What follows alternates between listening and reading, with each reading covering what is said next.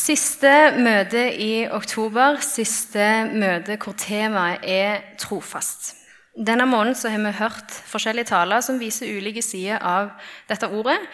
Og det er et ord som jeg har tenkt ganske mye på.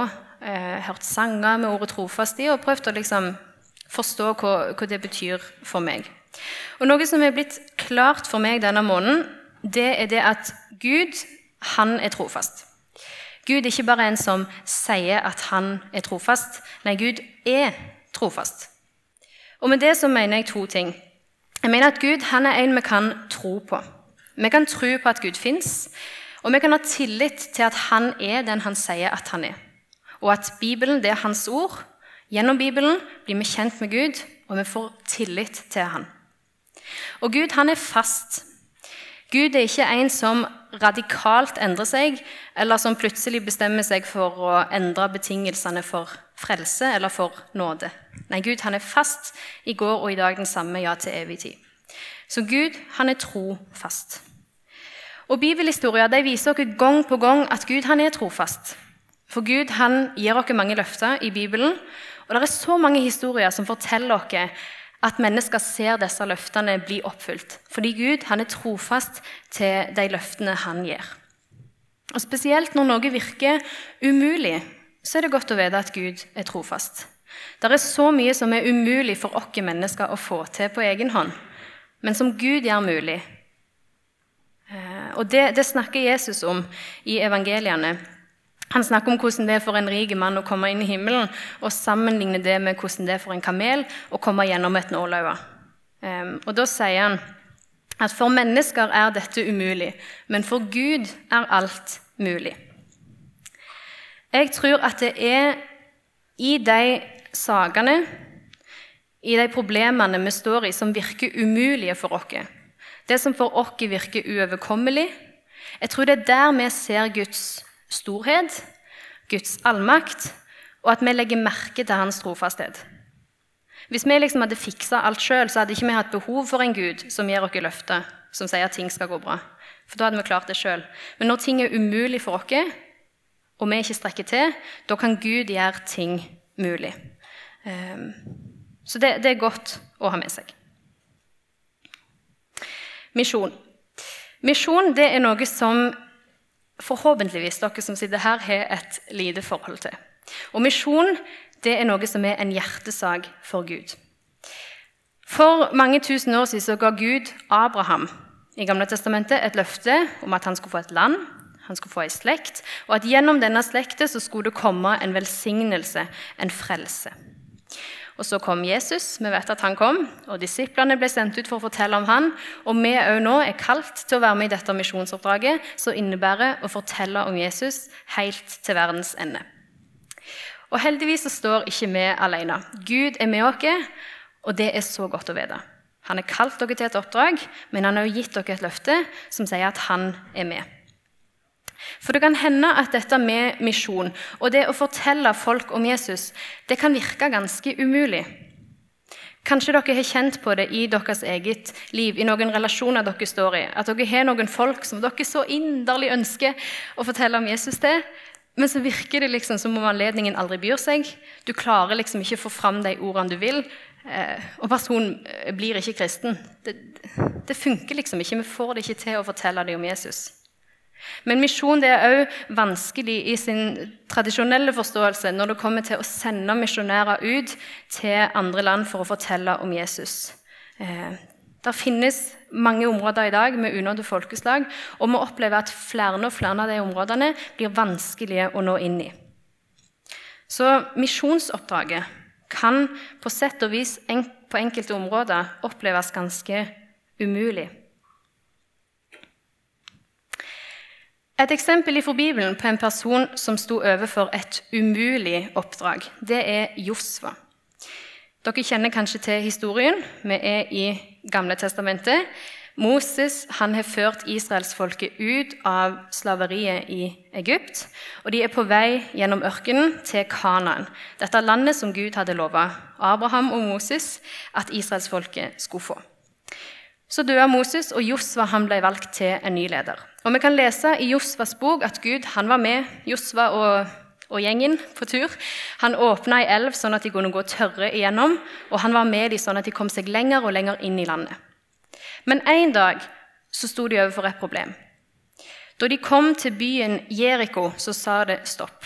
For rundt byen Jeriko var det en stor mur som Bibelen sier var så store at ingen kunne komme inn, og ingen kunne slippe ut gjennom den. Så det sa stopp, dette oppdraget om å ta Israel, eller Kanan. De kom seg ikke videre. Hva var det som sto på spill her? Vel, altså Gud hadde jo lovt Moses og israelsfolket at de skulle få et land. Og han hadde lovt dem at gjennom dette landet skulle de få, og etter hvert så skulle det komme en velsignelse til alle folkeslag gjennom folket som bor i dette landet her. Men nå kommer de til et hinder som sier stopp. De kommer seg ikke lenger inn i landet. Hva gjorde da Gud? Vel, Gud han er trofast. Han har sagt 'Jeg skal være med dere, dere skal få dette landet her'. Og han er kreativ på sin måte og finner en løsning.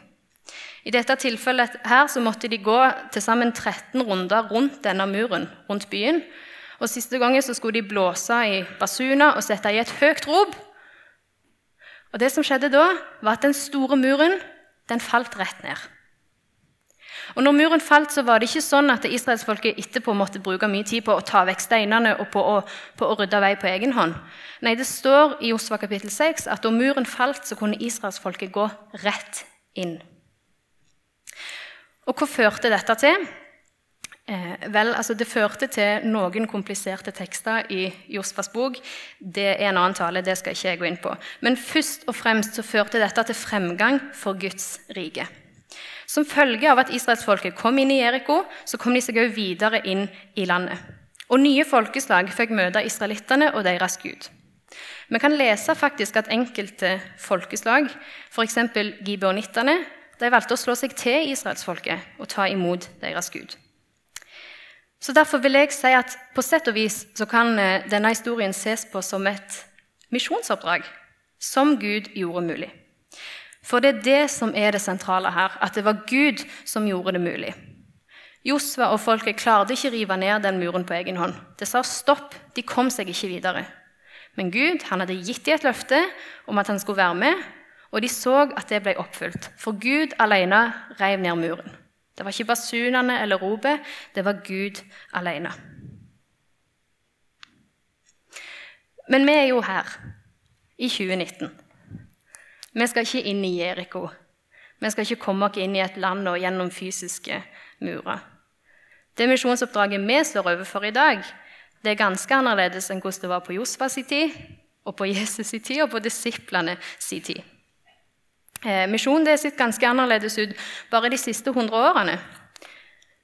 Fra en tid hvor det var kjempemasse folk som ville reise ut, og misjonsorganisasjonene opplevde at så mange reiste ut til alle kontinent, og det var masse vekkelser, til en tid i dag hvor vi i vår organisasjon opplever at færre og færre vil reise ut, og det blir vanskeligere å sende ut folk. Det er strengere krav til hva utdanning misjonærer skal ha. Og det er mange land hvor det ikke er lov å sende misjonærer til. Hvor, må, hvor, hvor, folk kan reise, men hvor de må ha en vanlig jobb. Og det er veldig strengt regulert hva de får lov til å gjøre. Det er mange land i dag og områder i land hvor det ikke er lov å være kristen. Og hvor det å fortelle om Jesus i hvert fall ikke er lov.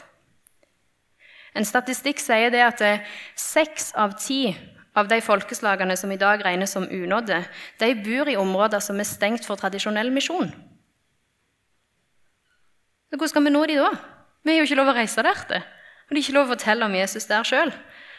Det virker nesten ganske vanskelig, dette her. Eh, og misjonsoppdraget er vanskelig, og det blir vanskeligere og vanskeligere. Kanskje òg her i Norge, at vi kjenner på det. Det virker ikke så det blir lettere. Kan vi da stole på at Gud fortsatt er trofast? Han sier jo at han skal være med oss i misjonsoppdraget.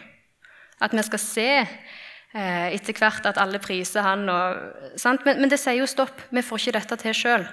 Kan vi fortsatt stole på da at Gud er med oss? Det lurer jeg på. For å svare på det spørsmålet så har jeg lyst til å ta dere med Og det er så fint når en taler sier det. Jeg skal ta dere med. Men jeg skal ta dere med. Eh, til et det som kanskje er et av de mest ekstreme misjonsoppdragene vi står over i dag. Det er mange land som er ekstremt vanskelig å nå inn i. Og et av dem det er det landet som jeg var så heldig at jeg fikk besøke i februar. Et land hvor du ikke lover å sende misjonærer. Et land hvor det ikke er lov å være kristen. Og det kalles faktisk for verdens farligste land å være kristen i. Eh, jeg fikk reise til Nord-Korea, og jeg eh, hadde så mange forventninger når jeg skulle reise inn. Jeg visste ikke hva jeg skulle forvente. Jeg trodde ikke det var lov å reise der engang. Og jeg forventa å komme til det strenge landet, sant? sånn som vi hører. Men det som møtte meg, det var noe helt annerledes. Um, så se her hva det var som møtte meg da jeg reiste til dette landet.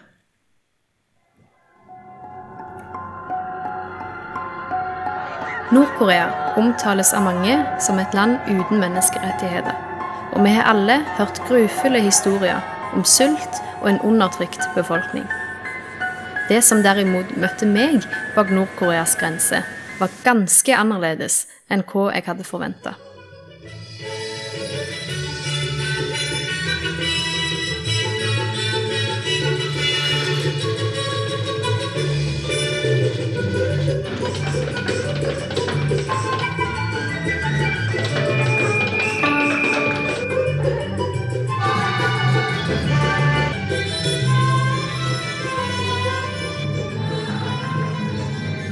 Dette var sykt.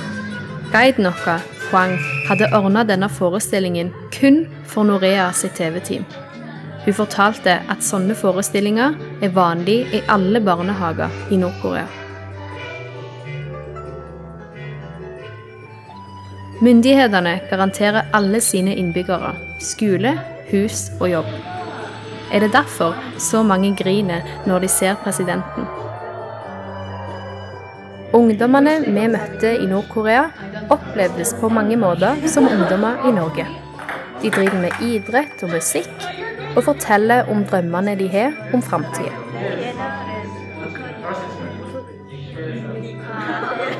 Selv om vi vet at det kun er et glansbilde vi får se her, så er det overraskende å se så mye glede og smil.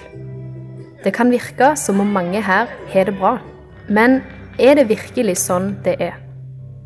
Jeg møtte Chris, som har bodd i landet i 20 år, og han fortalte at det er store problemer. 계속되는 기근의 위협에도 불구하고 på tross av at mange i Nord-Korea stadig trues av sult, er ikke mangel på mat det største problemet, men mangel på frihet. Myndighetene kommanderer menn ut på dugnad. Typiske prosjekter kan være å bygge broer og veier Lange dager og tungt arbeid sliter befolkningen ut. Innbyggerne kan ikke tro eller gjøre det de vil.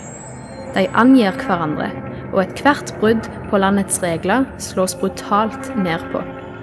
Hver fredag er det obligatorisk undervisning i landets ideologi. Hver lørdag må alle møte i smågrupper, og de tvinges til sjølkritikk. Hvis du blir mistenkt for å være kristen, er konsekvensene skremmende. Utlendinger som bor i landet, beskrev det som å leve i et tungt mørke. De kan ikke dele trua si med nordkoreanere. Tradisjonell misjon er umulig. Hvordan kan vi da fortelle dem om Jesus? Ja, hvordan kan vi fortelle deg om Jesus? Det lurer jeg på i dette landet her som Å, altså, det er så sjukt! Det er så surrealistisk, og det er så annerledes ifra det vi kjenner til. Eh, og jeg er bare helt sånn Hvordan når vi inn her? Det virker helt umulig. Fra utsida så virker Nord-Korea eh, som et så utrolig fint land. Det er det inntrykket vi som turister får. For det fungerer sånn at når du reiser til Nord-Korea, om du er turist eller journalist eller syklist, eh, så må du reise gjennom et reiseselskap, og du må ha med deg guider fra staten. De jobber i staten, og de har én oppgave, og det er å gi oss turister et så godt som mulig inntrykk av Nord-Korea. Nord-Korea kaller seg sjøl for paradis på jord, fordi de mener at de har skjønt det. Måten de driver landet sitt på, Sånn burde jo alle vi andre land òg drive landet. Fordi at de her de har skjønt det. Så turen vår de dagene jeg var inne i landet, de bar preg av et veldig tettpakka program hvor vi kun fikk se det fineste, det beste, det flotteste. Altså, de elevene jeg fikk snakke med, er jo sikkert de beste i mils omkrets, og maten vi fikk spise, var ypperste klasse. Da jeg var inne i landet, så måtte jeg rett og slett bare skru av hjernen min litt og bare være til stede og ha det gøy og ta til meg alle de inntrykkene vi fikk. Um, men jeg skjønte jo at her er det noe som skurrer. Dette her må være en fasade. Og Da vi kom ut av landet til Kina i etterkant, og fikk snakke med folk som har førstehåndskjennskap til hvordan hverdagen egentlig er, så forstår vi at uh, det her det er bare en fasade. Sannheten det er, som dere hørte på filmen, at mange sliter med mangel på mat. Men det største problemet det er mangel på frihet. Nord-Korea hevder selv at de har religionsfrihet og ytringsfrihet. Eh, men de glemmer å nevne det at konsekvensen av å tro på en du ikke skal tro på, eller å mene noe du ikke skal mene, den er så grusom. Så spesielt, spesielt vanskelig er dette da for de som er kristne. I dette landet her så har du ikke lov å være kristen. Myndighetene de frykter kristne noe ekstremt. Det er fordi at kristendom det assosieres med oss hvite vestlige. De tenker at alle hvite er kristne. Eh, og vi assosieres igjen med Amerika, som er den store, fæle fienden. Eh, og Myndighetene vet òg at kristne vi tror på én Gud. Og det er hans sine lover vi veier tyngst. Og Det høres ikke særlig godt ut i et land hvor det skal være én leder som sitter på trona, og som skal være fungerende Gud. Han heter Kim Jong-un. Eh, han er ikke glad i at menneskene tror på noen andre enn han. Så her er det altså ikke lov til å være kristen. Det er straffbart hvis du er kristen. Og det er òg straffbart å ikke si ifra dersom du kjenner noen som er kristen. Så sjansen for at du blir tatt som kristen, den er ganske stor. For folk kan bare tro at du er kristen, og da må de si ifra. Og det som skjer da, er at du blir kalt inn til avhør. Du kan bli kalt inn til avhør med opptil flere generasjoner av familien din. For hvis du først er kristen, så er det stor sannsynlighet for at resten av familien òg er det. Det som skjer etterpå, det kan variere ganske mye etter hvor stor trussel de syns at du er. Hvis du er veldig heldig, så slipper du fri, og de finner ut at du ikke er kristen. Hvis du er litt heldig, så havner du i fengsel. Men hvis du er blant de uheldige, så havner du i enten psykiske eller fysiske fangeleirer. Sistnevnte også kalt konsentrasjonsleir. Og det er dessverre i dag hundretusenvis av mennesker som er sånne uheldige mennesker. Dette fører jo til at de kristne i Nord-Korea kjenner på en ekstrem frykt. For det Plutselig så kan de bli tatt. De trenger bare bli mistenkt. De lever òg i ensomhet fordi de kan ikke fortelle folk om hvem de tror på. For da kan det rapporteres videre, og det vil det bli. Um, noe av det verste du kan gjøre mot myndighetene i Nord-Korea, det er å fortelle andre om Jesus på en positiv måte. Så det er noe av det farligste de kan gjøre. Vi som turister vi fikk òg oppleve det at uh, vi skal ikke fortelle andre om Jesus. Det fikk vi veldig streng beskjed om i forkant at vi ikke skulle gjøre. Eh, for da hadde vi trolig bare blitt, vi hadde blitt sendt ut. Eh, men det som også skjer at hvis jeg hadde prøvd å fortelle noen om Jesus, så tror jeg dessverre det eneste som hadde skjedd, det er at jeg hadde satt dem i fare. Fordi vi har disse guidene som alltid passer på. sant? Det er jo regissert hvem vi har lov å snakke med. Men hvis jeg hadde snakket med en som jeg ikke har lov å snakke med, så hadde guidene vært på med en gang. Og òg andre folk hadde sett dette. Eh, og da hadde den personen jeg hadde snakket med, blitt gjort til kjenne og trolig blitt avhørt i etterkant. Ehm, så det var på en måte ingen mulighet for oss til å snakke med folk annet enn de vi hadde lov til, og da òg hørte guidene på. Det går an å bo i Nord-Korea som kristen utlending. Um, hvis du har arbeidstillatelse, så er du lov å bo inne i landet. Eller hvis du er student, du reiser der for å studere språk. Uh, men da har du òg alltid guider med deg, og det er kjempestrengt hvem du har lov å snakke med. Du har ikke lov å gå på besøk til folk eller andre veien. Um, og, og, de lokale frykter deg litt òg, bare fordi at du ikke er nordkoreaner. Så det å fortelle andre om Jesus her, det går ikke. Det er min eh, konklusjon. Det, det nytter ikke. Eh, dessverre. Derfor vil jeg si at dette her er et misjonsoppdrag som virker umulig. Fordi jeg sitter igjen med et spørsmål, og det er hvordan kan vi nå inn her? Rundt Nord-Korea er det synlige murer som hindrer oss ifra å nå inn.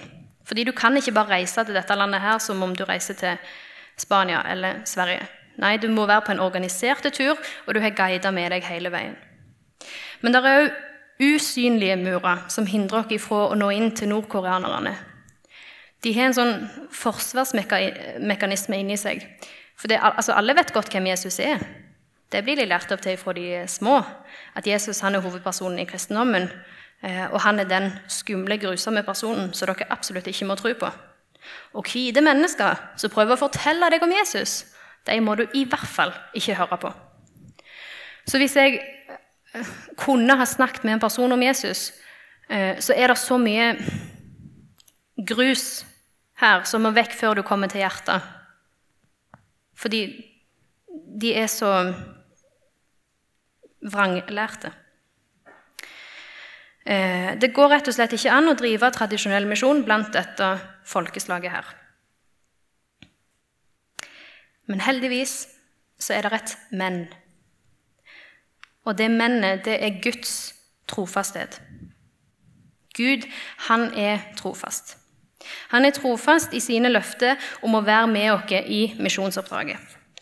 Vi, vi klarer ikke å nå igjennom Nord-Korea sine murer på egen hånd. Men Gud han finner kreative måter å rive ned disse murene på, som gjør at det går an å fortelle dette folkeslaget om Jesus. Det finnes flere måter, men jeg har lyst til å trekke fram én. Bare se her. Tradisjonell misjon er umulig. Hvordan kan vi da fortelle dem om Jesus? Gjennom radio forkynner vi evangeliet. Sendingene kringkastes fra en kraftig radiosender i Stillehavet. Sammen med et dyktig team i Sør-Korea produserer vi radioprogram for våre forfulgte brødre og søstre i Nord-Korea. Radio er for mange den eneste kilden til kristen forkynnelse og oppmuntring. Vi vet at sendingene når inn. Disse lytterne har tatt en stor risiko ved å gi oss en tilbakemelding. Siden vi ikke har noen lærer, har vi strevd med å forstå Bibelen. Radioen er den eneste læreren vi har. Uten radioprogrammene deres hadde vi ikke fått høre evangeliet om vår Far i himmelen. Og vi ville vært fortapt i mørket. Radioprogrammene er som et lys i Nord-Koreas mørke.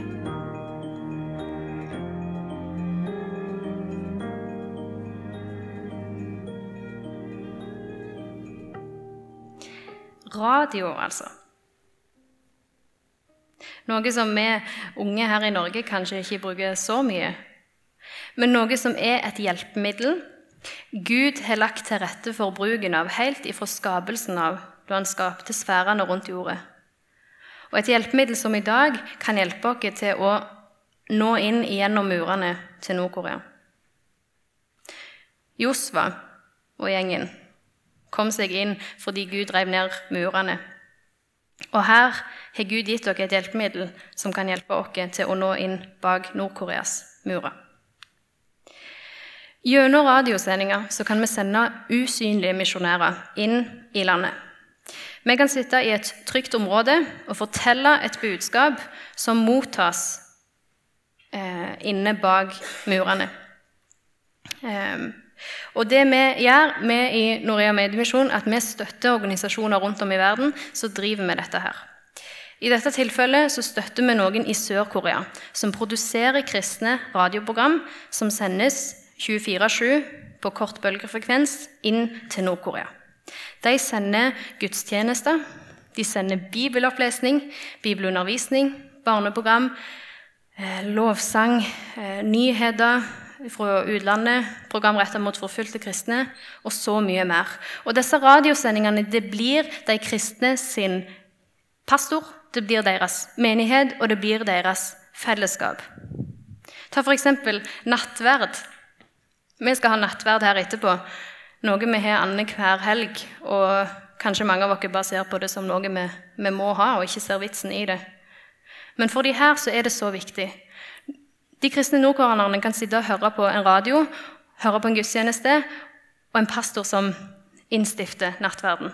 Så kan de ta det lille de har av brød og vann, og ta del i dette fellesskapsmåltidet. Gjennom radioen. Eh, disse radioene som eh, tar imot kristne radiosendinger de er ulovlige å ha. Når du kjøper en radio på markedet i Nord-Korea, så er den plomberte, sånn at den kun får inn staten sine frekvenser. Men våre samarbeidspartnere og andre kristne organisasjoner er med på å smugle inn bibler, kristen litteratur og sånne små lommeradioer som gjør at de kan tune inn og høre på kristne radiosendinger. Og de vet godt at det har de ikke lov til. En sånn radio har de ikke lov å ha. De blir tatt sånn hvis de blir tatt med en sånn radio eller med en bibel. Men det de hører på den radioen, det budskapet som blir forkynt, det er så mye verdt for dem, så de velger å ha den allikevel.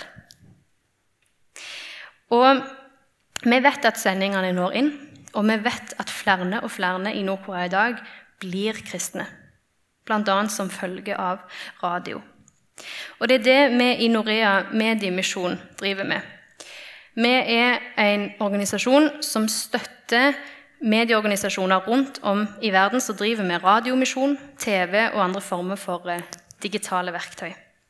Norea vi er eid av NLM, så vi støtter oss til NLM sin visjon 'Verden for Kristus'. Vi tror, vi vet, at mange av de unådde folkeslagene som vi ikke kan nå med tradisjonell misjon, som f.eks. nordkoreanerne, de kan vi nå med å ta i bruk andre hjelpemidler, som media. Nord-Korea, Sentral-Asia, Indonesia, Øst-Afrika, Midtøsten, Israel Millioner av kristne bak murer får høre om Jesus i dag gjennom media. Det er kult. Og det kan vi takke Gud for. Det kan vi kun takke Gud for. Eh, for det er pga. han og på grunn av hans trofasthet at vi kan drive dette arbeidet her. Det er pga. Guds trofasthet at misjonssalen kan funke. Og at vi i vår hverdag kan leve som vi gjør, det er ene og alene pga. Gud og pga. hans trofasthet. Gud, han er med oss, for det har han sagt. Og han er trofast til de løftene han har gitt. Før Josva ble leder for eh, og føre israelsfolket inn i Egypt, så ga Gud han et løfte. I Josva 1,5 så står det, eller Gud sier til Josva, at så lenge du lever, skal ingen kunne holde stand mot deg. Jeg vil være med deg, slik jeg var med Moses. Jeg svikter deg ikke og forlater deg ikke. Gud sa til Josva, 'Jeg er med deg. Jeg skal være med dere. Dere skal få dette landet her. Jeg er med dere hvert et steg. Og Josva han fikk jo se at dette ble sant. De kom seg inn i Jeriko. De fikk ta det landet de skulle få, og landet ble delt sånn som det skulle. Og vi vet i dag at den frelsen Gud lovte, den kom gjennom Jesus. Så disse versene her, det kan, det kan vi ta til oss sjøl òg. At Gud han sier det òg til oss, at han er med oss. Som nevnt så fikk Josfa se at dette ble sant. Hvert et løfte Gud ga til israelsfolket, det ble oppfylt. Derfor står det i slutten av Josvas bok, kapittel 21, vers 45.: Alle løfter som Herren ga til Israels hus, ble oppfylt. Alt skjedde slik det var blitt lovet. For en trofaste Gud! I fortid, i nåtid og i fremtid så er Gud trofast mot de løftene han har gitt. Så dette her, det kan vi òg stole på. At når du leser et løfte i Bibelen, så kommer det ifra en levende, sann Gud som er trofast. Så ta det til deg. At det du leser og det du hører, det Gud sier til deg, det er sant. Derfor eh, kan vi avslutningsvis eh, stole på at Gud er trofast. Han er det. Det er avhengig av ikke om, om vi tviler eller hvordan vi føler oss. men Gud han er trofast. Så vi kan si, eh, sånn som den kloke forfatteren av Hebreabrevet skrev, at la oss holde urokkelig fast ved bekjennelsen av håpet. For Han som ga løftet, er trofast. Gud, han er trofast. Punktum.